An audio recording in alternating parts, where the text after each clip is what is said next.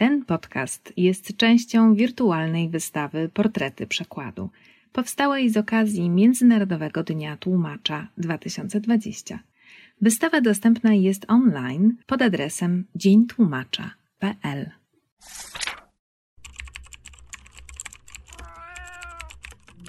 Na przykład podcast Stowarzyszenia Tłumaczy Literatury.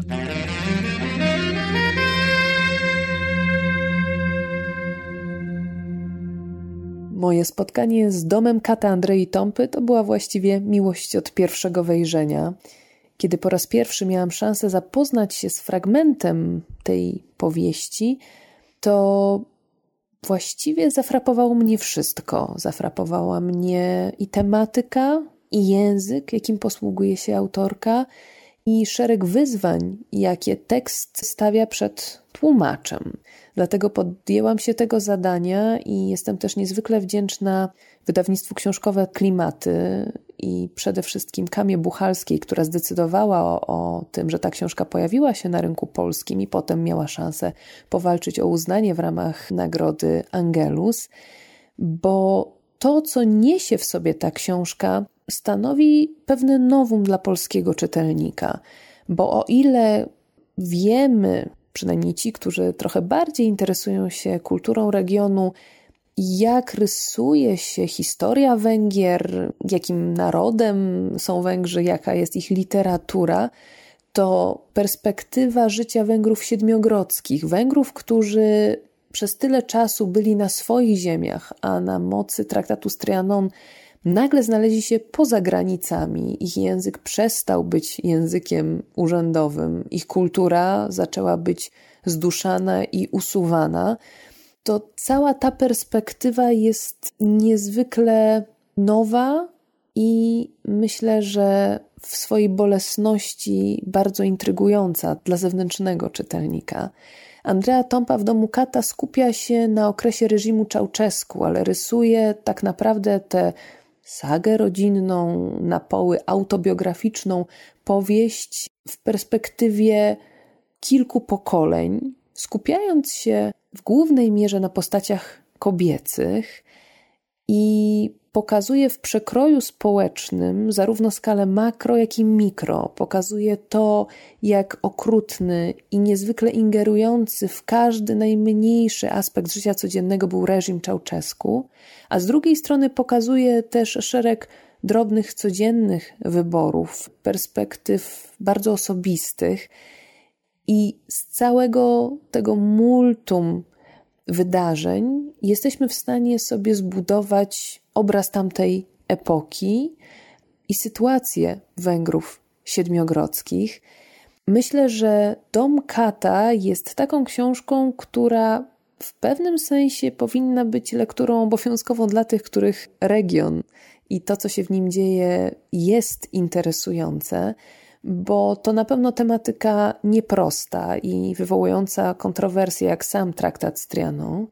Ale ta książka wychodzi zdecydowanie poza rys historyczny. To jest książka, która pokazuje rys społeczeństwa, bardzo ważny rys, myślę, że i psychologiczny społeczeństwa tamtego okresu. Jest to książka, która uświadamia nam, jak okrutny jest reżim, który decyduje o każdym najmniejszym aspekcie naszego codziennego życia i tak naprawdę nie pozostawia nam wyboru. I w kontraście mamy tutaj bohaterkę, która zdecydowanie tych wyborów chce dokonywać. No i pytanie, jaką cenę za część z nich zapłaci. W domu Kata niezwykle frapujący jest styl Styl, który wywodzi się z zamiłowania Andrei do teatru. To jest zresztą jej dziedzina, dziedzina, w której się spełnia jako krytyczka teatralna, jako redaktor naczelna miesięcznika Teatr, wychodzącego na Węgrzech, wykładowczyni uniwersytecka. Andrea ideę monologu teatralnego przełożyła na rozdziały swojej powieści. I tych trzydzieści parę rozdziałów jej książki to trzydzieści parę zdań. Każdy rozdział to jedno długie, niesłychanie wielokrotnie złożone zdanie. powieść snuta na jednym oddechu, pełna dygresji, wątków pobocznych, jednocześnie uporządkowana, wartka, czytelna w tej swojej złożoności, dająca nam wrażenie, jakby bohaterka książki, czy też autorka, bo tu możemy się kłócić, jak bardzo ta perspektywa jest osobista, chciała komuś bliskiemu, kim w tej sytuacji jest czytelnik, opowiedzieć wszystko, co przeżyła, co czuła i czego dokonała, na jednym oddechu niemalże.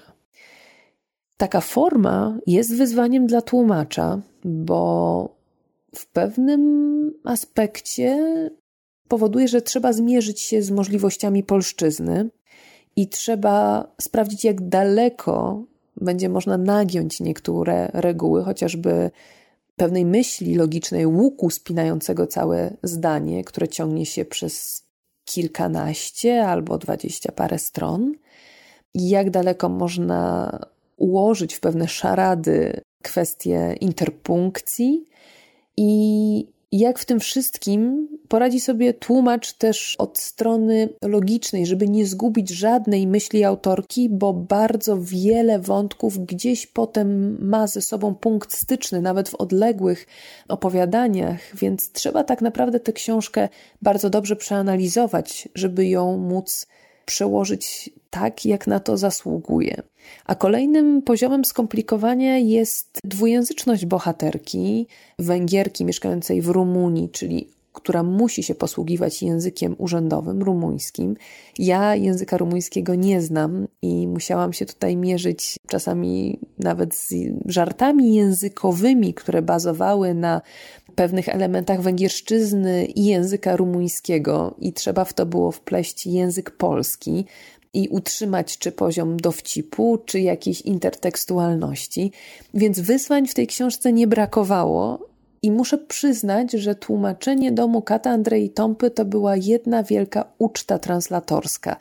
Nie przygoda, którą wspominam jako udrękę przez te wszystkie piętrzące się wyzwania, tylko naprawdę jako ucztę i jako wielki sprawdzian tego, jak bardzo tłumacz może zagłębić się w książkę, pokochać ją na tyle, żeby zwalczyć te wszystkie smoki, które tu czy tam wystawiają głowę i mówią: Nie, książki, która jakby ogarnia tyle kultur, tyle dziesięcioleci, tyle perspektyw nieznanych finalnemu czytelnikowi, czytelnikowi w kolejnym języku, języku polskim, tego się nie da zrobić. Więc jeżeli ktoś mnie pyta o ulubiony przekład, to myślę, że zawsze przywołuję właśnie dom Kata Andrei Tąpy.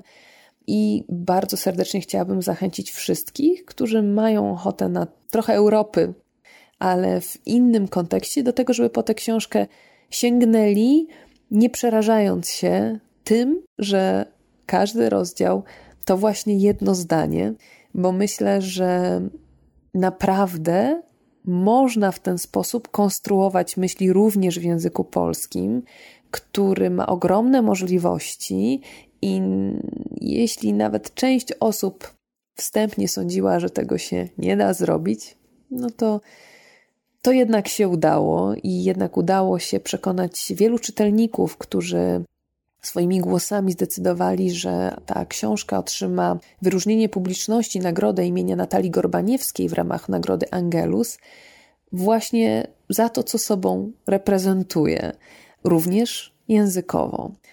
Nie potrafię być chyba zbyt krytyczna względem tej książki, bo naprawdę miałam to szczęście, że mogłam przełożyć coś, w czym się zakochałam, a często bywa tak, że te książki, które pokochamy najbardziej w języku oryginału, pokochamy jako tłumacze, nagle okazują się dużym wyzwaniem, a może czasem nawet i rozczarowaniem w trakcie tłumaczenia. Tu na szczęście było inaczej i myślę, że niemalże z wypiekami na twarzy jestem w stanie opowiadać o tej książce, o procesie, który towarzyszył przekładowi i o tym, jak ogromną satysfakcję może czerpać tłumacz, który przekłada nie tylko język nie tylko treść między jednym językiem a drugim, ale także staje się ambasadorem kultury i przynosi upatrzoną przez siebie książkę polskiemu czytelnikowi i widzi jak